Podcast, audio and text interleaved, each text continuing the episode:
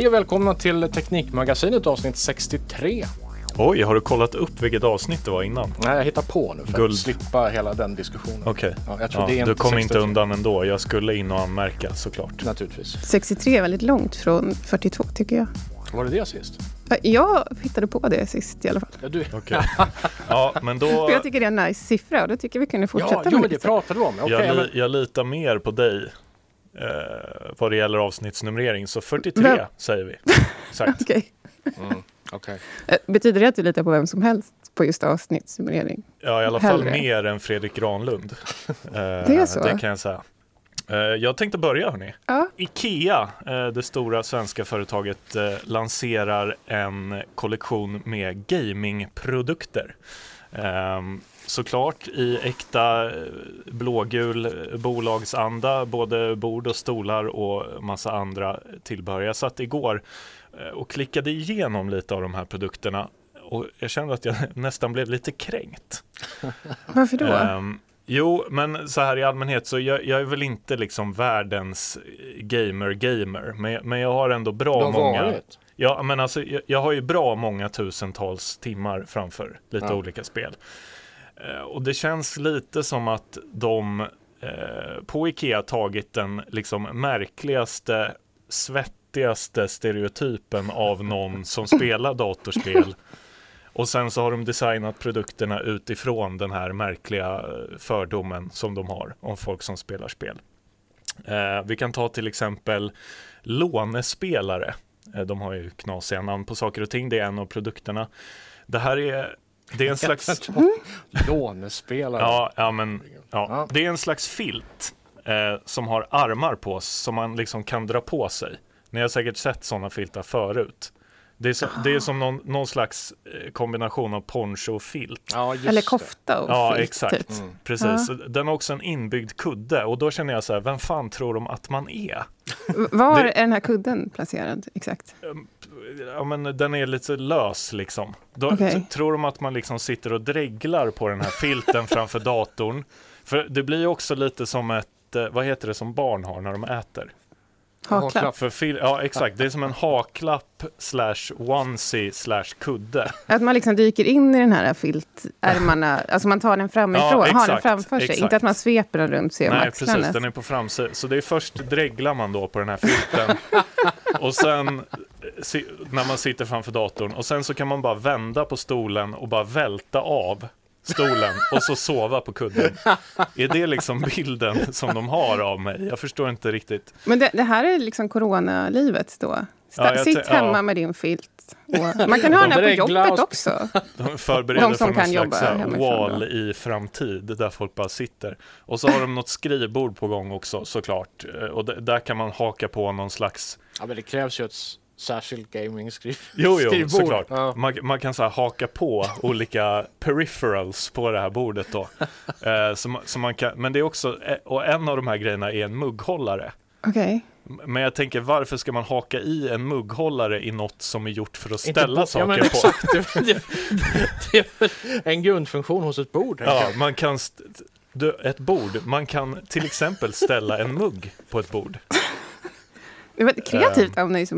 Du Ehm. och kom sen- på där tycker jag. Ja, och sen är de också jättefula, såklart. Mm. Eh, det är ju en RGB, inte riktigt, Ja. men det, det är allt har så här snabba stealth-bombarlinjer och sådär.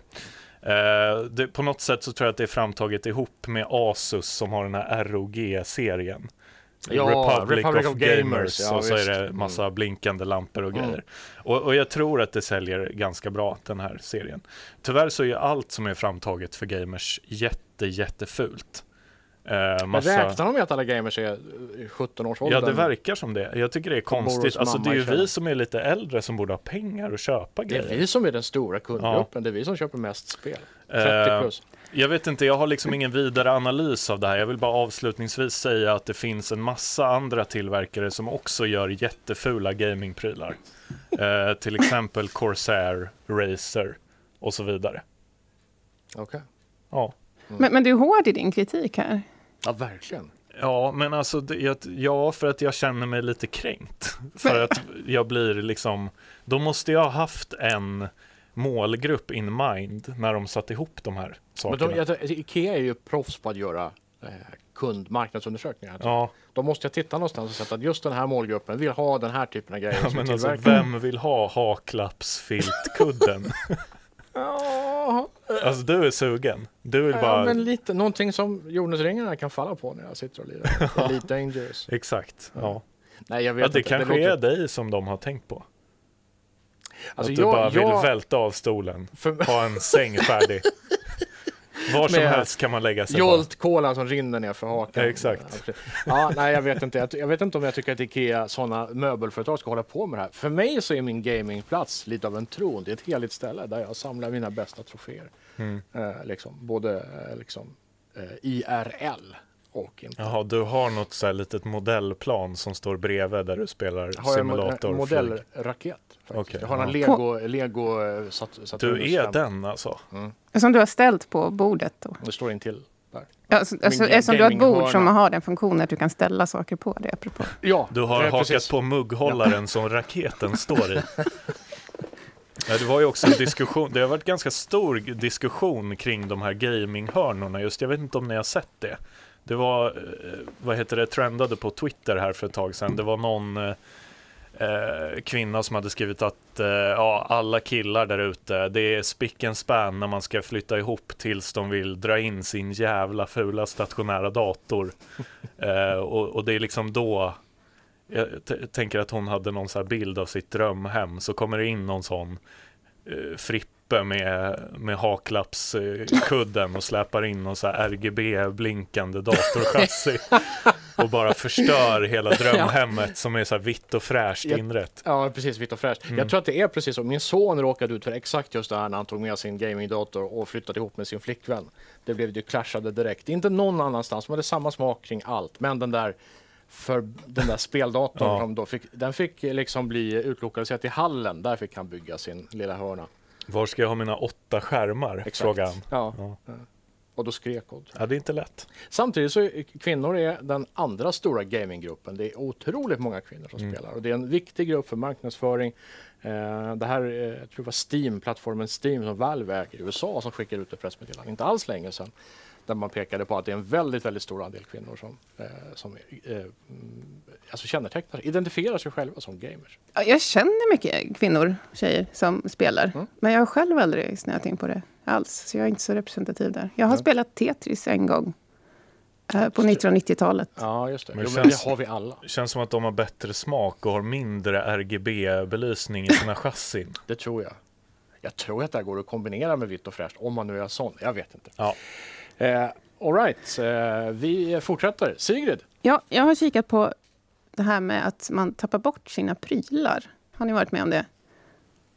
Men om det är mycket- om det. Kopplar till heminredning, men, men nycklar och plånböcker. Och... Jag, jag är ganska bra faktiskt, för jag tappar nästan aldrig bort någonting. Jag brukar låsa mig ute för jag glömmer. Jag har två nyckelknippor och jag glömmer alltid vilken som går till vilket. Ja, ett- Vä- ett helt väldigt nyckel- on character. Det är en hel nyckelknippshistoria. Jag minns när du blev utlåst ur ditt vardagsrum. Det ja, var. jag fick ringa låsmedel för att komma ut ur mitt vardagsrum. Det är faktiskt sant. Ja. Ja, jag läste att de hade, Apple hade kommit nu med sina, sina egna såna här tagg, pry, sakletar-tagg som man kan koppla på då på sina, på sina nycklar och prylar och glasögonfodralet eller vad man nu har. Varför man nu skulle hålla ha reda på glasögonfodralet utan glasögonen. Men ja. Ehm, och den här skulle då vara att den använder en annan sorts bluetooth. Så man hittar ultra wideband som skulle va, ge en bättre precision än den vanliga bluetooth. kanske inte är en annan sorts bluetooth, det kanske är en annan teknik. Nu blir jag osäker här. Men poängen med det här var att dels att den kopplar upp sig på, på alla Apple devices och dels att den, på grund av att den använder annan teknik, att den kan ge mer precis... Eh, då ska man kunna se på en app i sin mobil, om man har en Apple-mobil, att den är i den riktningen. Och kunna få information, dina nycklar är i den riktningen, och kunna få information om exakt hur långt bort den är. Mm. Och de här hitta dina sakletar, prylar, taggar har, eh, som har funnits tidigare, de ger tydligen inte riktigt samma precision. Men det finns lite olika märken. Har ni provat någon sån? Jag, har en, jag har en som jag Tack. eh, köpte på en, en butik eh, här, eh, här hos oss, Åland. Den heter, den heter Chipolo tror jag. Den är ju fullkomligt värdelös. Den piper när jag inte vill att den ska pipa. När jag faktiskt Oj. behöver hitta mina nycklar, oftast då på insidan av lägenheten, eh, inne i lägenheten, då, Ja. då piper den inte. Så jag, jag är ganska missnöjd. Men det, det finns, Delvis är det väl att de tänker använda liksom hela sitt eh, Apple-infrastrukturnät Ja, för att leta efter andra precis. så här taggar. Så om någon med en iPhone går förbi taggen, Ja. då känner den av det. Det är kanske Ja, är särskilt värdefullt om du har det här- tappat dina nycklar ute. Liksom. Ja, ja den, den triangulerar liksom taggen med hjälp av alla andra Apple-enheter. Ja. Det blev ganska mycket snack om det här i cykelkretsar. Mm. För att Ja, du har folk, läst om eh, det här? Ja, nej, men för att folk, folk tänkte att eh, det här kan ju vara ett bra sätt att spåra sin cykel. För Jaha, folk som har lite dyrare landsvägscyklar och sådär. Så kanske man bara, ja men typ lyfter ur sadeln, släpp i en sån här i sadelröret och sen glöm bort den liksom. Mm. Men, men då kan man eh, kanske spåra. Men jag vet att det har varit lite olika säkerhetsfunderingar också. Jag har inte läst på allt för mycket om det här. Ehm, men men det, det verkar som att eh, folk har lite tankar om det som kan det här med säkerhet. Mm. Säkerheten läste jag inte alls på faktiskt. Jag, jag läste bara om Ja, nej, men så här precis. kan du hitta det- dina prylar och ehm, Mm. Ja, men fortsätt. ta hjälp av. Ja. Mm. ja, men det fanns ett annat. Ja, sen läste jag att det fanns ett tidigare märke, men det känns ju inte så. Nu har jag redan pratat om det andra märket. Det hette Tile och då kopplade man upp sig till, alltså man köpte en sån Tile-pryl, då kunde man koppla upp sig till alla andra som också har en Tile-pryl av det märket. Mm. Så jag vet inte om det är fördelar och nackdelar med de här olika lösningarna. Jo, nej, men det är det väl säkert. Jag tänker att fördelen som Apple har är att de har så himla stor eh, produktbas ute liksom.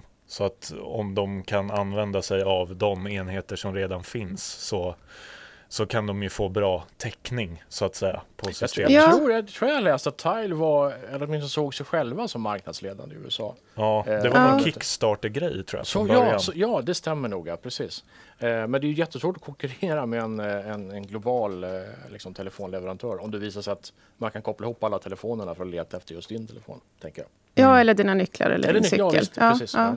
Ja, nej, de är otroligt stora. Jag såg en grej nu att eh, Apples AirPods, eh, de här hörlurarna, Mm. de säljer för mer än hela Nvidia och AMD tillsammans. Bara hörlurarna. Det är Oj. helt sjukt. Men det här är ju ett bolag som har en sparad kassa i nivå med de nordiska ländernas BNP. Liksom. Det, är, det är så absurt vad de tjänar pengar. Ja. Men någon eh, svar från Android-sidan har vi inte på. Det är så många tillverkare tänker jag. Ja. Det här, nu vet ju inte jag det här, men, ja, men jag tänker det. Alltså, det måste ju vara någon leverantörsspecifik grej. Om bara Samsung läser, då funkar ju det bara med Samsung-telefoner. Det får Ja. ju inte samma eh, genomslag. Jaha, du menar så. Mm. Så det, vi lär inte få se en produkt som kopplar upp sig på alla Android-devices? Liksom. Ja, det skulle ju vara ifall Om de Android Alliance bygger i, ja, men att man bygger in det i operativsystemet. Då, alltså. Mm. Men Men sen är ju frågan hur stor marknaden är. Jag vet inte, jag kommer inte riktigt på någonting som jag skulle vilja ha det här på. Det ja, kanske är mer för dig då som tappar Mina- bort dig själv Ja. lagom. Alltså jag tänker barnens ryggsäckar Ah, och sådana mm. saker. Ja, det kanske inte är så dumt i och för sig. Ja, har man barn så tillkommer ju en helt ny dimension förstås. Jag skulle Barnen själva, Ja, skulle jag såklart. säga det. Jag skulle ha en sån tag på min dotter. Svälj den här, säger man bara. Man kanske kan operera in den själv under huden på dem. Ja, nej, nu ska vi Nu- inte nu ge spårar folk idéer. här. Kom Maja så ska jag bara göra en grej. Pappa, du har en kniv. Nej, Nej, förlåt. Men Sigrid, fortsätt. Ja, men ja, Där är, det var typ det det. var det. Mm. Har du själv en sån här tagg? Nej, men jag är episk på att tappa bort saker. Så jag blev ju helt eh, entusiastisk när Vad jag skulle läste du om det sätta här. din tagg på då? Ja, alltså all, så skrivboken, väskan, den andra väskan, plånboken. Vilken av väskorna har jag lagt min plånbok i nu då? Liksom? Man, man har olika väskor. Kameran, nej, kameran har man koll på i och för sig. Ja.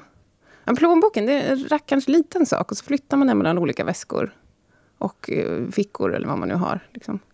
Den, den hade varit nice att ha en, en sån tagg på. ni har stökiga liv, Nej. tycker jag. Vi är, dål- vi är stökiga kanske, eller jag är Ja. rätt stökig. Har du askoll på allt i hjärnan vad du har? Har du bara en väska liksom? Ja, Ja, jag har koll på allt. Allt är perfekt det. Ja. Det hör ihop, eh, är jag, jag tänker att det hör ihop lite med hans mustasch. Jaha, den syns ju inte i Men jag radio kan då. inte, Men, nej, men, nej, men jag, jag kan inte styrka det på något sätt. Right, detta om eh, taggar då, Sigrid. Vi, Ja. eh, Ska vi till rymden? Nej, Ja. ja. men alltså allting är ju rymden. Allting existerar ju i rymden, eller hur? De här taggarna finns i rätt. rymden också. Vi lever i rymden. Eh, jag tänkte prata eh, lite astrofysik kanske, eller matematik, eller vi får se vad det blir. För så här, i, i 200 år så var det ju eh, Sir Isaac Newtons eh, teorier för den klassiska mekaniken som, som man applicerade på astronomi och, och eh, astrofysik fanns inte som ämne, men det som var begynnelsen för astrofysik. Alltså den, den fysikaliska hela förklaringsmodellen för eh, alla de här astronomiska fenomen som man då började kunna utforska ordentligt i och med att teleskopen blev eh, liksom bättre och, och bättre. Eh, men mot, mot slutet av 1800-talet så blev det ju mer och mer uppenbart att även om, om Newtons modeller eh, i stort sett stämde och, och ja, nej, men stämde med ganska stor noggrannhet så, så var inte hans eh, eh, mekaniska lagar så heltäckande som man skulle vilja. Och, och allting han gjorde stämde inte.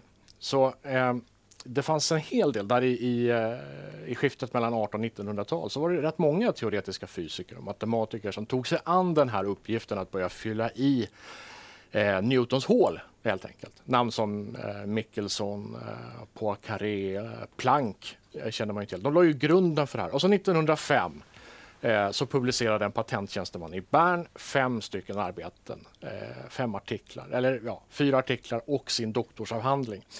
Han publicerade dem i, i, den, den, eh, i en facktidskrift för fysiker, Annalen der Physik.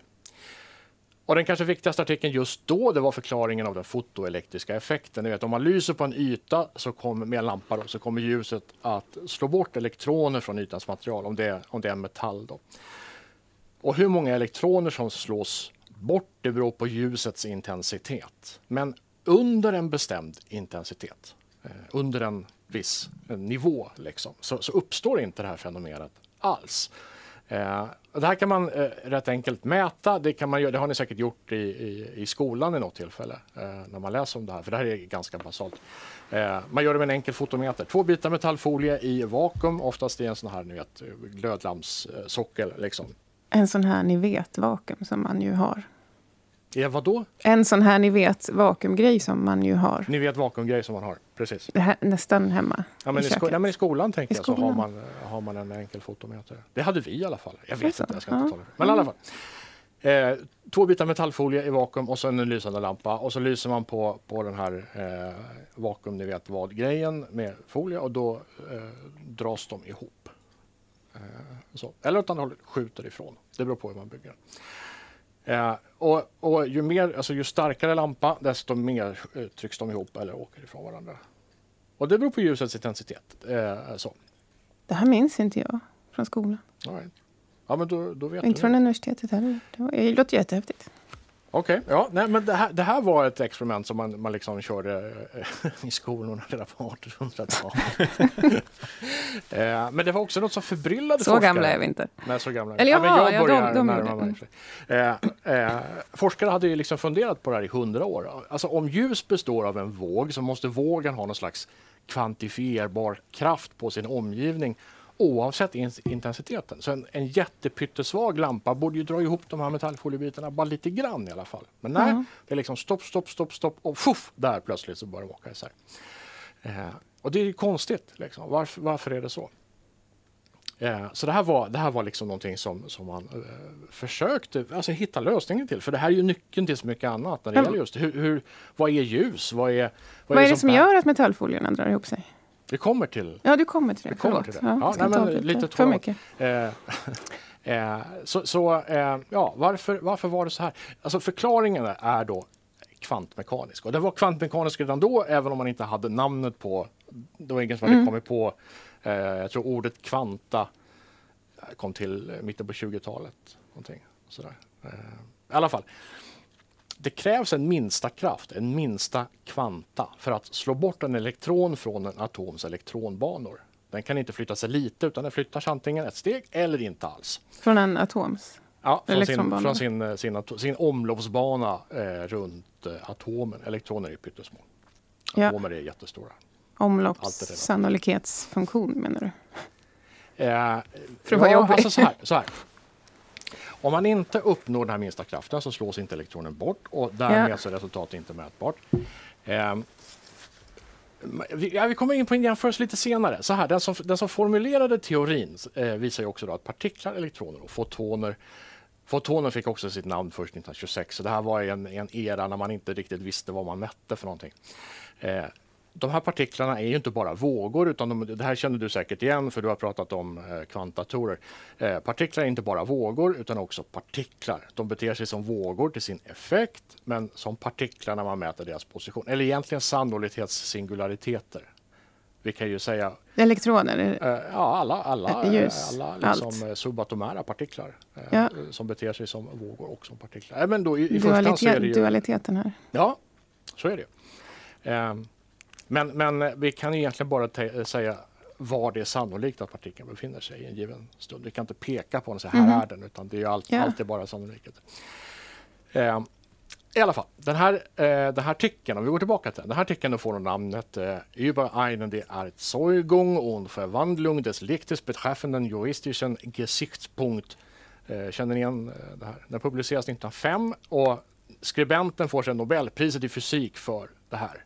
Sin artikel om den fotoelektriska effekten 1921. Ni vet, Nu känner jag lite TP-känsla här. Vem fick Nobelpriset i... Det är ingen som vågar gissa. Och så är det typ Einstein, men man vågar... Men... Nej, det är det jag har tänkt också, men jag Ja, vågar inte det för säga det. enkelt. Ja, det får man, det det är får fel. man, det får man tipsa. Det var den första artikeln, eh, alltså den första artikeln som handlade om den fotoelektriska effekten. Det var, det var hens första. Den andra artikeln, det var ju fyra. Den andra handlade om, om Browns rörelse. Eh, om, och det här vet ju alla, eh, att en partikel i en vätska rör sig i ett slumpmässigt mönster på grund av partikeltäthetens ojämnheter. Så att är det ett större partikeltryck från en sida så rör det sig åt det hållet och är det ett större på den sidan så rör det sig åt det hållet. Och så är ju det här slumpmässigt i en, eh, eh, i en lösning. Liksom då. Eh, och den, eh, ja, den tredje, det, det handlar om den speciella rel- relativitetsteorin. Och så den fjärde om förhållandet mellan energi och massa. Det här måste ni känna igen. Ja, nu vet vi ju För det- såklart. Det var ju här hen myntade formeln att E är lika med m gånger c i kvadrat. Alltså att energin hos en kropp är lika med dess massa gånger ljusets hastighet i kvadrat. Och då var vi ju på rätt spår ändå, rätt spår. eller hur? Eh, ja, Albert Einstein. Och Einstein är också grunden till, och nu kommer vi in lite på, på ämnet här, eh, om du ursäktar att jag hoppar över Ja. dina frågor. Ja. Eh, för Einstein la ju grunden eh, till kvantmekaniken, åtminstone till de här grundläggande funktionerna i kvantmekaniken. Alltså då, till exempel att funktionen av att massa och energi är samma sak i olika energitillstånd. E är lika med m gånger c och så vidare. Eh, det är ju det det handlar om. Men han gillade inte det han kom på. Just det. Så var det ju. Han funderade en del på kvantsammanflätning till exempel. Han kallade det för mysko-händelser på håll. Eller spooky actions at a distance på engelska. Ja, men det var en ganska adekvat beskrivning det, ja, det är en jätteadekvat beskrivning. Det är precis vad det är. Och Han muttrade rätt mycket om att universum följer givna regler och att kvantmekaniska funktioner som han inte gillade, eh, om de stämde så skulle det innebära att universum är knäppt. Eh, eh, så. Eh, och det, det är det ju i och för sig, men det var inte så han menade. Grejen är att Einsteins sista två artiklar, den där om relativiteten, då, den särskilda och, och den, den allmänna, eh, går ju inte ihop med kvantmekaniken. Hans resonemang går ut Ja, men den går ut som en bra patiens går, patiens går ut. Va? Men de är inte så heltäckande att de får med de här kvantmekaniska funktionerna som, ja, som Einstein då inte gillade. Och han ägnade ju faktiskt andra halvan av sitt eh, yrkesverksamma liv, han blev ju så småningom professor, ja, sådär, eh, åt att, eh, att försvara just relativitetsteorin och försöka hitta en gemensam plattform för bägge de här teorierna där relativitetsteorin styr det stora och kvantmekaniken styr det lilla. Men han lyckades aldrig med det. Eh, Men han var också teoretiker, han var inte praktiker och mycket av det, eh, den teknik som vi nu idag har för att kunna eh, experimentera, bevisa saker experimentellt. Det fanns inte då. Partikelacceleratorer, eh, partikelacceleratorer kvantdatorer, eh, double slit experiment med hjälp av lasrar som inte var uppfunna än. Och sådär. Det känner ni till, double Mm. Där en Ja. partikel beter sig både som en våg och som en partikel beroende på hur Jag känner till det, men jag ska inte säga att jag kan känna Det att jag som att- begriper det. känns som att vi nämner det i varje avsnitt av någon anledning. Men vi har varit inne på Men det, det, flera gånger. det är ett det har, coolt experiment ändå. Det är Det är lite det. som i Big Bang Theory, tv-serien. Där nämner de ju double slit experiment Ah, okej. i typ varje avsnitt. Ja. Men de förklarar aldrig vad det är. Det är bara något som... Jag har aldrig sett den där. Jag, har sett något avsnitt. Liksom. Jag har aldrig... Det är ju konstigt, för jag borde ju gilla den. Det är jättekul, tycker jag. Ja. Ja, det är verkligen en helt okej tv-serie. Men eh, gå vidare. Ja, cool. Då har jag något att, att se sen under min semester. Eh, så här, inom relativitetsteorin så är händelser kontinuerliga och jämna så tillvida att varje händelse ger upphov till en annan händelse. Det går att följa, allting går att härleda logiskt. Inom kvantmekaniken så sker alla händelser i skutt kan man säga. Alltså, eh, alltså bokstavligt talat i kvanthopp. Och orsakar inte andra händelser, reaktioner, utan de orsakar olika sannolikheter för en följd händelse, en reaktion. Och partiklar är ju varken vågor eller just partiklar. De är både och och varken eller. Eh, utan är sannolikhetsnivåer som jag var inne på. För antingen eller beroende på om vi tittar när de är varken eller eller inte. Är ni med? Mm. Allt handlar om sannolikheter. Jag brukar försöka tänka på åtminstone saker som elektronens olika energinivåer i en atom eller molekyl. Lite som hyllor i ett hyllplan. Mm, Du, du kan lägga boken på det hyllplanet eller du kan lägga boken på det hyllplanet. Du kan liksom inte samtidigt, alltså du, du får välja ett hyllplan. Mm. Det kan vara på ett hyllplan eller på nästa hyllplan. Det kan inte ligga i luften. Men det är energinivån på något sätt. Och samtidigt som de här hyllplanen är väldigt distinkta och har ett väldigt specifikt avstånd så är varje hyllplan samtidigt som någon sorts normalfördelningskurva av sannolikhetsfluff. Liksom. Vilket ju inte riktigt går ihop i hjärnan, men det är ändå den bilden jag gör mig. Mm. Det där är en jättebra analogi. En- en bokhylla om av flyttar- sannolikhets- Om du flyttar en bok från en bokhylla, alltså ett hyllplan till ett Ja. annat, då krävs det energi för att Ja, ja, ja visst, precis. Eh. Så det är en bra, jag gillar Och får man den att trilla ner eller så, så av- avges motsvarande mängd. Du tjänar, du tjänar energi. Ja, eh, På det ja. sättet. ja exakt. Precis. Det, Ja. Jag tycker det är jättebra. Eh, så blir det konstigt om du flyttar från en bokhylla till en annan bok, bokhylla. Eh, Ja, du var inne på solcellsteorin här. Ja, ja, just det. Men det är därför, nu nu är sidospår det här, men det är därför solceller, vissa solceller behöver färg. För att eh, man färgar vissa solceller. För att i färgpigmentmolekylen så finns det lämpliga såna här hyllplansnivåer där infallande ljus kan peta upp någon valenselektron till en annan energinivå. Och när den väl är upppetad till en högre hyllplan, bokhylleplan, så kan den trilla ner till ett, en annan bokhylla, till eh, titandioxiden eller vad det nu är, till dens liksom, olika hyllplan och drar runt hela... Ja, den där elektronen kan man liksom mentalt tänka sig att den drar hela varvet runt via vad den nu driver sen. Mm. Innan den hittar tillbaka till sin plats i färgmolekylen eller hur det nu går till. Och där, där kommer vi lite grann på ljusets eh, våglängd kontra dess, eh, Ja. dess elektronladdning då, eller. Ja, precis. Vi, vi kanske inte behöver... Nej, sidospåra dit. Eh, Du ja, hade nej, precis. Det kan vi, vi kan ta det nästa gång. Jag tänkte bara, eh, den här, den här, eh, just den här, den här, vi var inne på den här skumma händelsen på, på håll.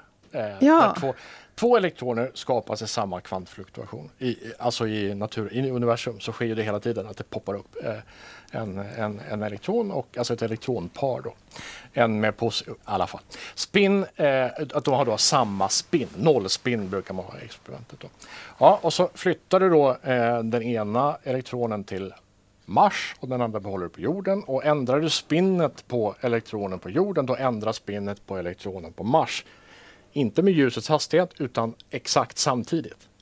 Eh, och det här är ju jätte... Jag tycker det här är obehagligt. Ja, Ja, det det här det, är, är- det är är obehagligt att läsa fysik. spooky action at a distance. Mm. Eh, jag hade något exempel med en, om man kör runt i en rondell så fort man kan utan att halka ut. Men du hade en bättre med bokhyllan, så jag skippar den eh, jämförelsen. Okej. Grejen är att det här är ju bara ett exempel på vad vi kommer att upptäcka i framtiden. Spooky action at a distance. Man börjar redan titta på kvantkryptering och kvantkommunikation när man använder Och den det är här låg ping alltså.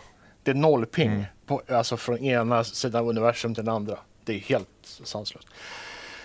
Ja. Och, och, och, det innebär ju att relativitetsteorin den stämmer visserligen som förklaringsmodell, men den ger inte hela bilden. Och det här gör att många forskare just nu anser då att relativitetsteorin har, har spelat ut sin roll. Man kommer inte vidare med den. Den har tagit oss lika långt som Newtons klassiska mekanik tog oss innan Einstein liksom tog över. Nu har man kommit till vägs ände för relativitetsteorin och nu är det dags för kvantmekaniken att ta över. Och det här är en, en modell som man nu börjar arbeta med. Eh, jag tror att eh, Planck-institutet i, i Tyskland är först med att liksom börja fasa ut relativitet, eh, arbetet med relativitets, relativitetsteorin. Jag tänker inte namndroppa här för det känns ju meningslöst men, men det, det, finns flera fakulteter som faktiskt står bakom den här eh, ja, men nya eh, tanken. Och, och, att vi liksom nu då står inför en ny epok. Men vi har inte slutat använda Newtons förklaringsmodeller där den är adekvat. Liksom. Är. Kraft, massa, acceleration, de här enkla sakerna. Och relativitetsteorin lär väl fortsätta vara relevant för eh, relativistiska effekter om saker som rör sig fort. Ja, men så, ja, säkert delar av den kommer ju finnas kvar. Det är inte att vi, nej, jag menar inte att man lägger ner allt. Nej, det här var dåligt och så struntar ja, vi i det. Nej. Nej, så är det, det lever ju kvar naturligtvis. Ja. Men man bygger kanske inte på den genom att utveckla relativitetsteorin man, man, man, eller relativitetstanken. Utan man bygger vidare i så fall med, med eh, kvantmekaniken. Eh, ja, nästa. Vi går vidare. Vi ska Axel. prata optik faktiskt. Mm. Eh, fast på ett lite ovanligt sätt. Eh, Xiaomi, den här eh, kinesiska mobiltelefontillverkaren, har eh, teasat lite ny teknik kan man säga. Eh, det handlar om mobilkameror och eh, så kallad liquid lens teknik. Oh. och den här liquid lens tekniken i sig är inte ny, den används lite inom industrin eh, och sådär. Men det kluriga med den, det är att du kan ändra brännvidden bland annat, alltså zooma Eh, lite förenklat kan vi säga, men, men i ett väldigt kompakt format och det är därför det är just intressant på, på mobilsidan. Normalt sett så har man ju ett eh, objektiv med en massa glaselement i olika grupper som du flyttar med en fokusmotor eller zoomar och sådär. Och det blir eh, ganska stort för att du helt enkelt behöver ha en massa glasbitar. Uh, och, och, de här glasbitarna gör en massa olika saker för att få en fin skarp bild. De eh, kompenserar för distorsion. Och, eh, är det därför de alltid sticker ut på baksidan av telefonen på ett särskilt fult sätt? Exakt, okay. för att man behöver ha den platsen mm. och det är flera glasbitar som ska passa in där helt enkelt. Eh, men vi kan ta lite vad en liquid lens är då ganska förenklat.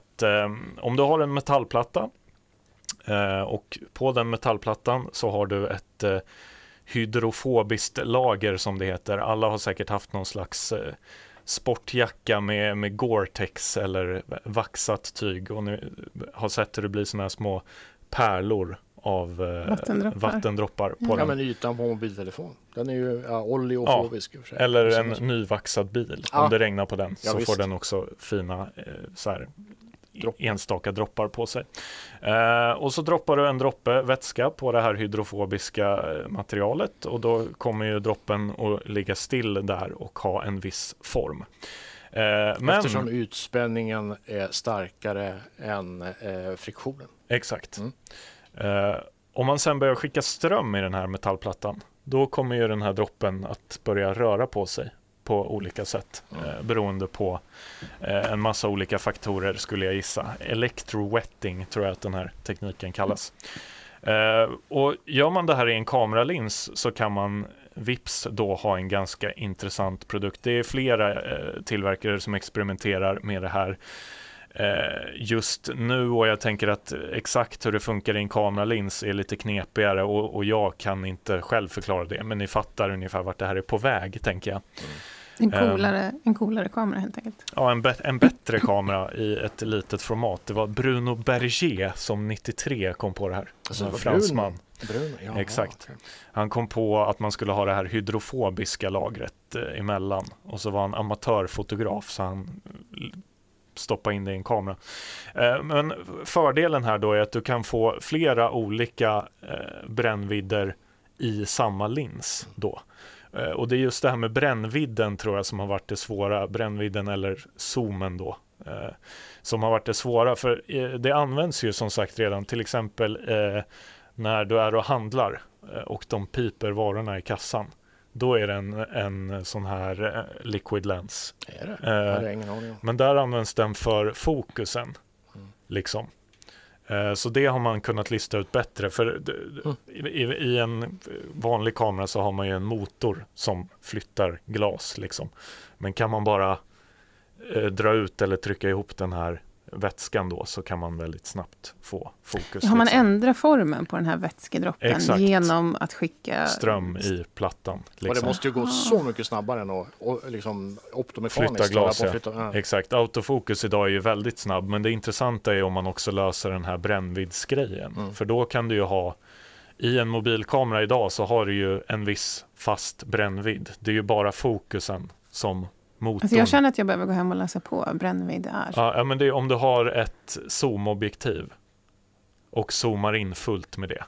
Men inte brännvidd här hur, hur mycket fokus? Alltså om jag skulle ta ett porträttfoto på, på dig Nej, här nu. Det, att att det, du är i fokus men bakgrunden är suddig. det är bländartalet som bestämmer det. Brännvidden är hur mycket zoom du har kan man säga. Jaha, Ehm, okej. Ja, men om du har ett jättelångt zoomobjektiv, om du tittar på en, en sportfotograf på en fotbollsmatch, då brukar Ja. ju de ha en jättelång schnabel på sin kamera. Ja, Då är det kanske 400 millimeter brännvidd.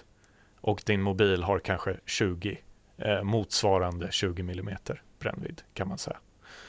Eh, ja, men helt enkelt, man kommer kunna eventuellt då kunna zooma väldigt bra med den här tekniken. Något som oftast inte går idag i mobilkameror överhuvudtaget. För du har bara Nej. digital zoom Så det är Eh. egentligen att man beskär bilden snarare än ja, zoomar? i en mobilkamera. Ja. Ja, Eh, med kan- undantag för vissa modeller som har flera kameror Okej. i telefonen.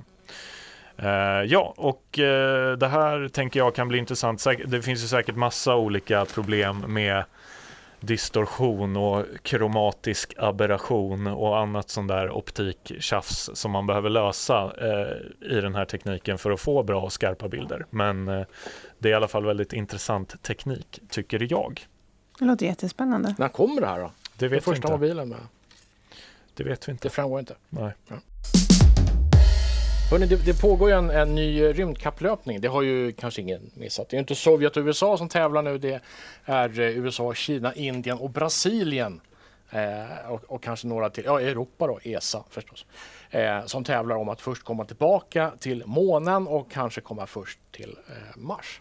Och framförallt så är det Kina som satsar löjliga summor på att komma ikapp USA och, och ESA, vårt europeiska Eh, den europeiska rymdorganisationen heter den på, på svenska, eh, som ju jobbar eh, extremt nära NASA då, i USA. ESA och NASA är, är bästisar kan man säga.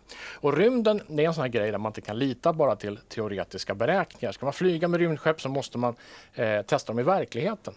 Eh, för vi, vi kan i stort sett inte ska, skapa samma förutsättningar för, för eh, tester här på jorden som det är på månen till exempel. Då. Eh, alltså här på jorden kan vi göra grejer kalla och vi kan göra dem utan luft, alltså vakuum. Eh, vi kan inte skapa mindre gravitation, ja, inte mer heller för den delen. Eh, vi kan göra saker tyngre och vi kan göra saker lättare, men vi kan inte påverka gravitationen.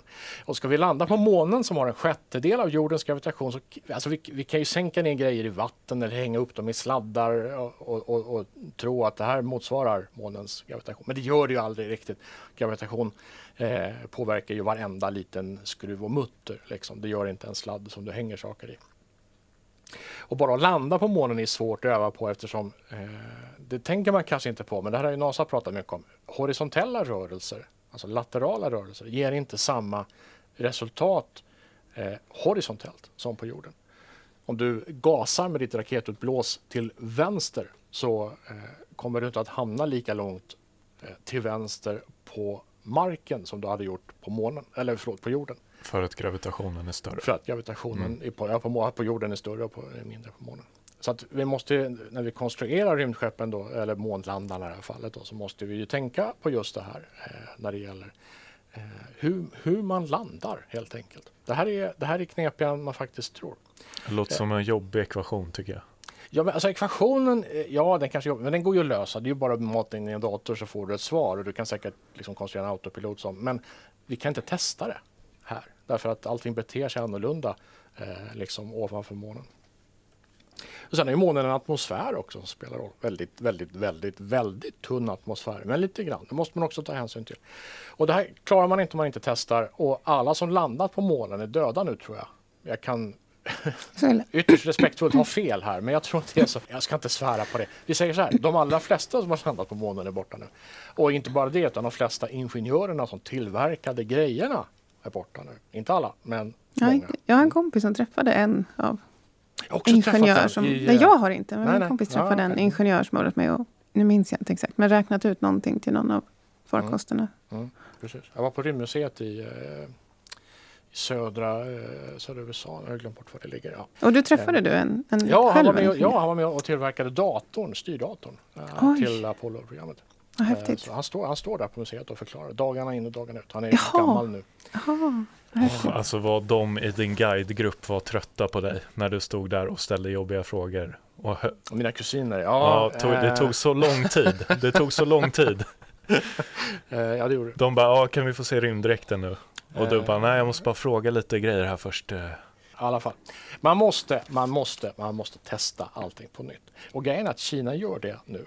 Eh, vi känner till Nasas eh, rovrar på Mars, nu senast Perseverance och den här helikoptern Ingenuity, jag tror vi pratade om den förra gången. Den 14 maj så landade eh, Surong med, med reservation för uttalet på Mars. Och det är Kinas Mars Rover alltså.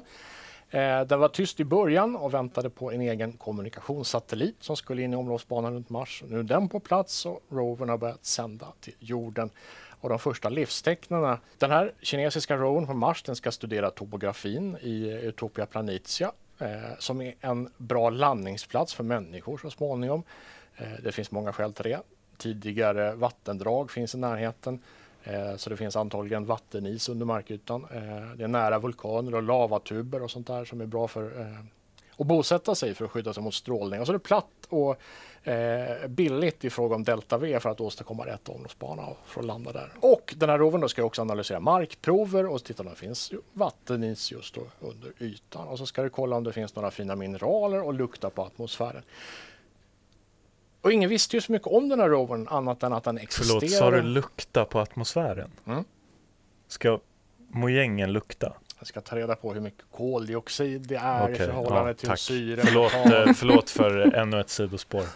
Den artificiella näsan. Eh, Ja, men det är ju lite så. Man måste ju kolla vilka komponenter som fin- finns i atmosfären. Alltså den här eh, Perseverance, eh, Nasas och ESAs eh, rover, den har ju då en MOXIE ombord eh, som med hög värme då splittar koldioxidatomer till eh, vad blir det? kolmonoxid och syre. Och det är ett sätt för framtida Marsastronauter att få luft eh, helt enkelt och för att som en komponent till, till eh, raketbränsle. Då. Eh, vattenis i sin tur det används ju för att, för att splitta eh, syre och väte så att du får vätgas. Du vet genom eh, elektrolys. Och sådär. Så att alla de här komponenterna är viktiga eh, för att kunna då sätta eh, människor på, på Mars helt enkelt. Det gick inte att hålla den här rovern hemlig så länge därför att så fort den började sända via sin satellit så uppfattar ju varenda radioteleskop i världen de här sändningarna och då gick det inte att vara hemlig. Men var, man var hemlig i stort sett eh, ända fram till dess då. Eh, Kina är ju ändå en, en eh, ganska brutal diktatur då, som he- är hemlighetsfull dessutom. Eh, det är också svårt att landa på en planet med tunn atmosfär. Det räcker inte med fallskärmar. Det finns inte tillräckligt med atmosfär att ta emot helt enkelt. NASA landar sina rovrar med en Sky Crane på Mars, alltså en raket på ett snöre som släpper ner lasten i, i lugn och ro och sen flyger bort en bit och störtar. Eh, det här nu då? Dramatiskt det låter. Flyger bort en bit och störtar. Ja, den gör det. Den ska inte, den ska inte störta nära den här rovern för då det blir dyrt. Liksom. Kan ju den få den i huvudet liksom. Precis. Men allt det här visar att Kina kan det här också, precis som NASA och ESA. Bevisligen. Liksom. Eh, och det här visar också att Kina vill sätta, eh, landsätta människor på Mars. Och USA kan knappast acceptera att Kina kommer dit först, så det här sätter ju press på framförallt NASA men också på ESA.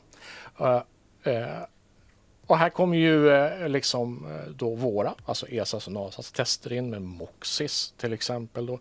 Eh, nya typer av solpaneler, eh, mm, drivkällor som då eh, det här eh, lilla kärnenergiaggregatet som, som eh, de senaste rovrarna har ombord.